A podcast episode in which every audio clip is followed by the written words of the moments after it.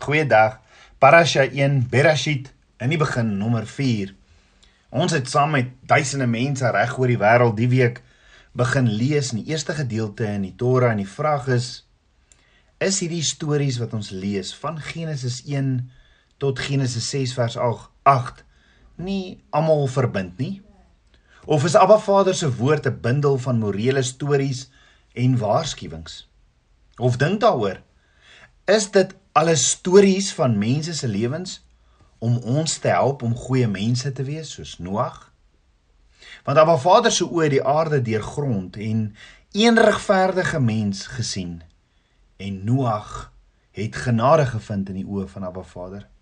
So is Abba Vader se woord klomp morele stories om ons lesse te leer want sien so baie keer hanteer of behandel ons die eerste 5 boeke die Torah se verhale of stories asof almal afsonderlike episodes is.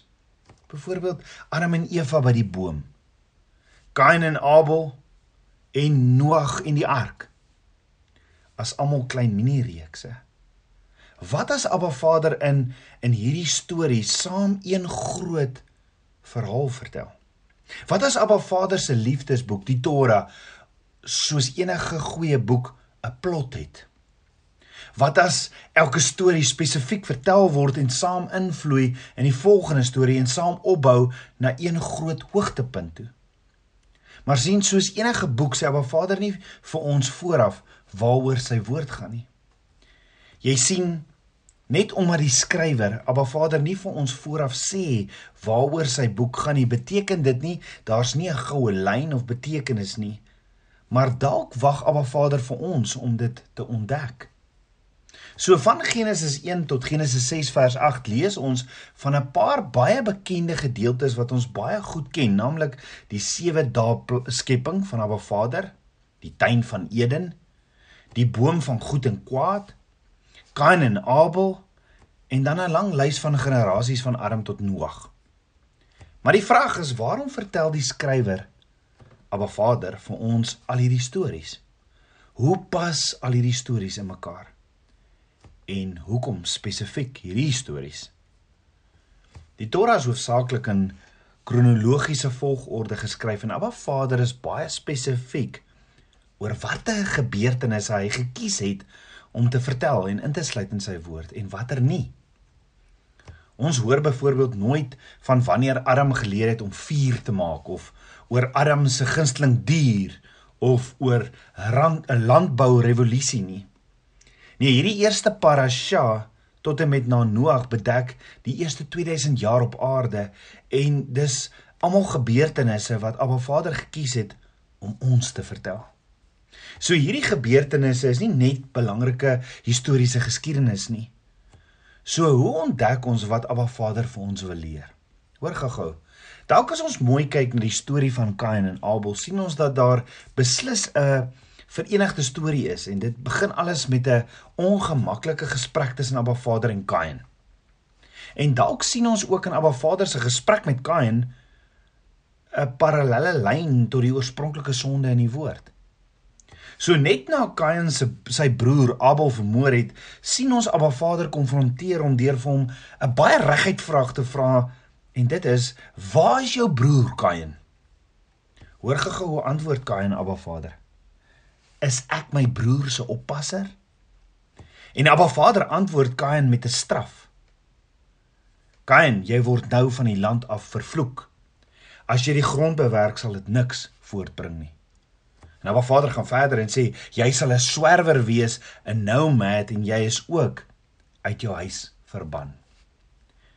En dan is dit amper asof Kain besef wat hy gedoen het en roep uit by die laaste straf en sê vandag het u my van die aardboom aard die bodem af verdryf en nou is ek van u gesig weggesteek.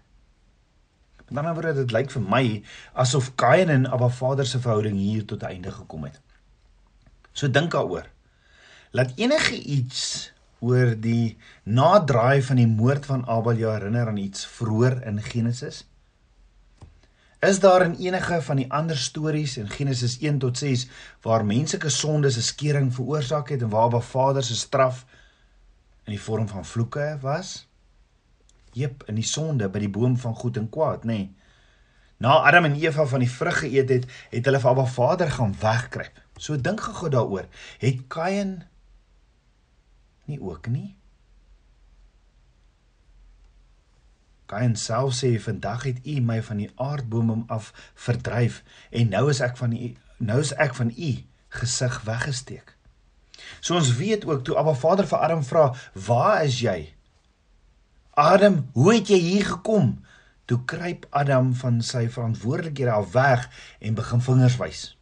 Adam begin die blame, die blame game te speel en sê dis Eva se skuld. En Eva sê dis die slang se skuld. Maar hoor gou-gou.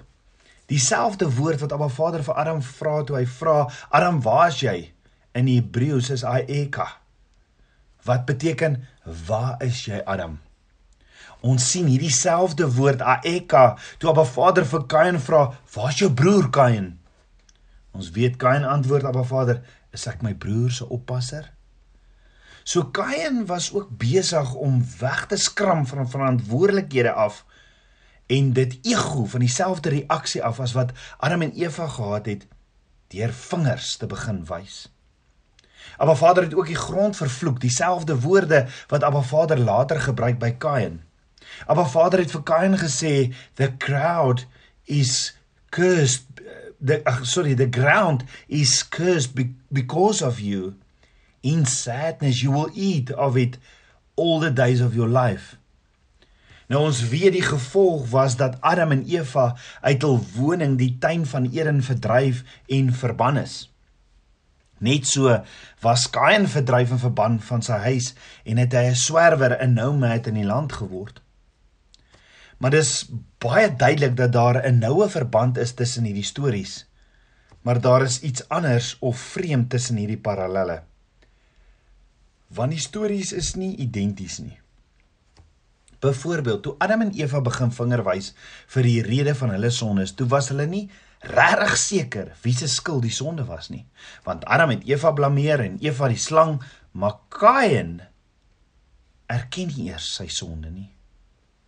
Kain speel stom en dat daar selfs enige iets verkeerd is met die alwetende almagtige God. Dan ook die grond was vervloek vir Adam en hy sou 'n harde tyd sweet op sy aangesig gehad het. Maar Kain is vervloek van die grond af. Bietjie erger as wat Adam gekry het. Dit sou nie net hard wees vir Kain nie, maar die aarde sal nie vervaardig, vervaardig vir Kain nie. Die parallelle is daar, maar soos ons sien, dit raak moeiliker, donkerder en meer ernstiger. amper asof dinge in die geslag na Adam erger word. So wat is die verbinding tussen die stories? Is daar is daar 'n paar diep maniere waarop hierdie stories verbind word? Miskien as die nasleep van hierdie sonde sondes soortgelyk is, sal dit die rede wees dat die ding wat hulle ontlok het ook dalk soortgelyk wees. Want sien Kain se sonde moet verbind word aan die sonde van die boom van kennis van goed en kwaad. Maar wat sou dit beteken? Dit lyk dus of Abba Vader se storie begin by die sonde by die boom en die vraag is, is dit waar alles begin? Of moet ons dalk eerder vra hoekom het Adam en Eva sonde gedoen in die tuin van Eden? Nou in Genesis 1 word ons bekend gestel na Abba Vader se karakter en die eerste ding wat ons weet is Abba Vader het bestaan voor die hele wêreld geskep is. En tog maak Abba Vader die besluit om die mensdom en alles wat die mensdom nodig het om te lewe te skep. Abba Vader gaan uit sy pad uit vir die mensdom. Want onthou na elke dag sê Abba Vader na hy geskep het sê hy en dit was goed. Maar goed vir wie? Vir die mensdom met wie hy 'n verhouding wil hê en wie voordeel sal trek van al die goedheid wat hy geskep het. Elke dag volg op mekaar nog 'n laag wat verklaar is dis goed. Dit was ook alles goed nog voor Abba Vader die mens geskaap het. Maar in hoofstuk 2 verklaar Abba Vader dat dit nie goed is dat man alleen moet wees nie en Abba Vader maak toe vir Eva. Ons sien dat Abba Vader is die kenner van alles wat goed is en wat nie goed is vir die mensdom nie. Is dit nie? En dat Abba Vader alles geskaap het vir die mensdom en dat hy moet vrugbaar wees en moet vermeerder die mensdom. Maar dink daaroor, hoekom het Abba Vader die aarde geskep vir die mens? Of nog 'n beter vraag. 'n vraag wat ek baie hoor en dit is wat is die betekenis van my en jou bestaan? Ons sien Abba Vader kom nie dadelik uit in sy woord om ons te vertel nie, maar maar ons sien wel dat Abba Vader se skepping van die aarde 'n groot daad van liefde is. Want hy wil 'n verhouding met die mens hê. So in die eerste 2 hoofstukke van Genesis sien ons dat dit gaan alles oor dit wat Abba Vader vir die mens gee. Maar met 'n beperking. Wat was die beperking? Die boom van kennis van goed en kwaad. Abba Vader sê eet van die bome van die tuin, maar nie van die boom van kennis van goed en kwaad nie. So hoekom sit Abba Vader 'n boom in die tuin van Eden waarvan hulle nie mag eet nie? En dink daaroor. Dis mos nie so moeilike opdrag nie. Hulle het toegang tot alles, maar hulle mag net nie eet van die boom van kennis van goed en kwaad nie. Maar nog steeds weet ons eet hulle van die boom. So hoekom skep Abba Vader 'n boom wat off limits is in die eerste plek? En hoe het Adam en Eva so misluk en en wat was die gevolge van Adam en Eva se ongehoorsaamheid? Jy sien Abba Vader is 'n Vader van verhouding en wil 'n verhouding met ons hê. Abba Vader het die tuin geskep, maar die mensdom saam met hom, waar die mensdom saam met hom kon leef in 'n paradys. 'n Geskenk vir die mensdom. Maar Abba Vader wil hê ons moet verstaan, dit kom van hom af.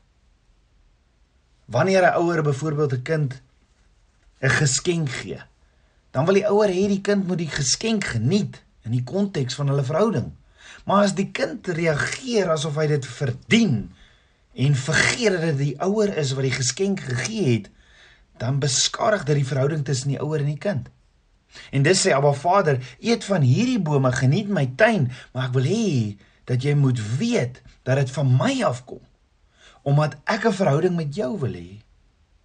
Die vraag is, hoe gaan ons bewys dat ons dit verstaan en dat ons in hierdie verhouding wil wees en dat ons Abba Vader eer?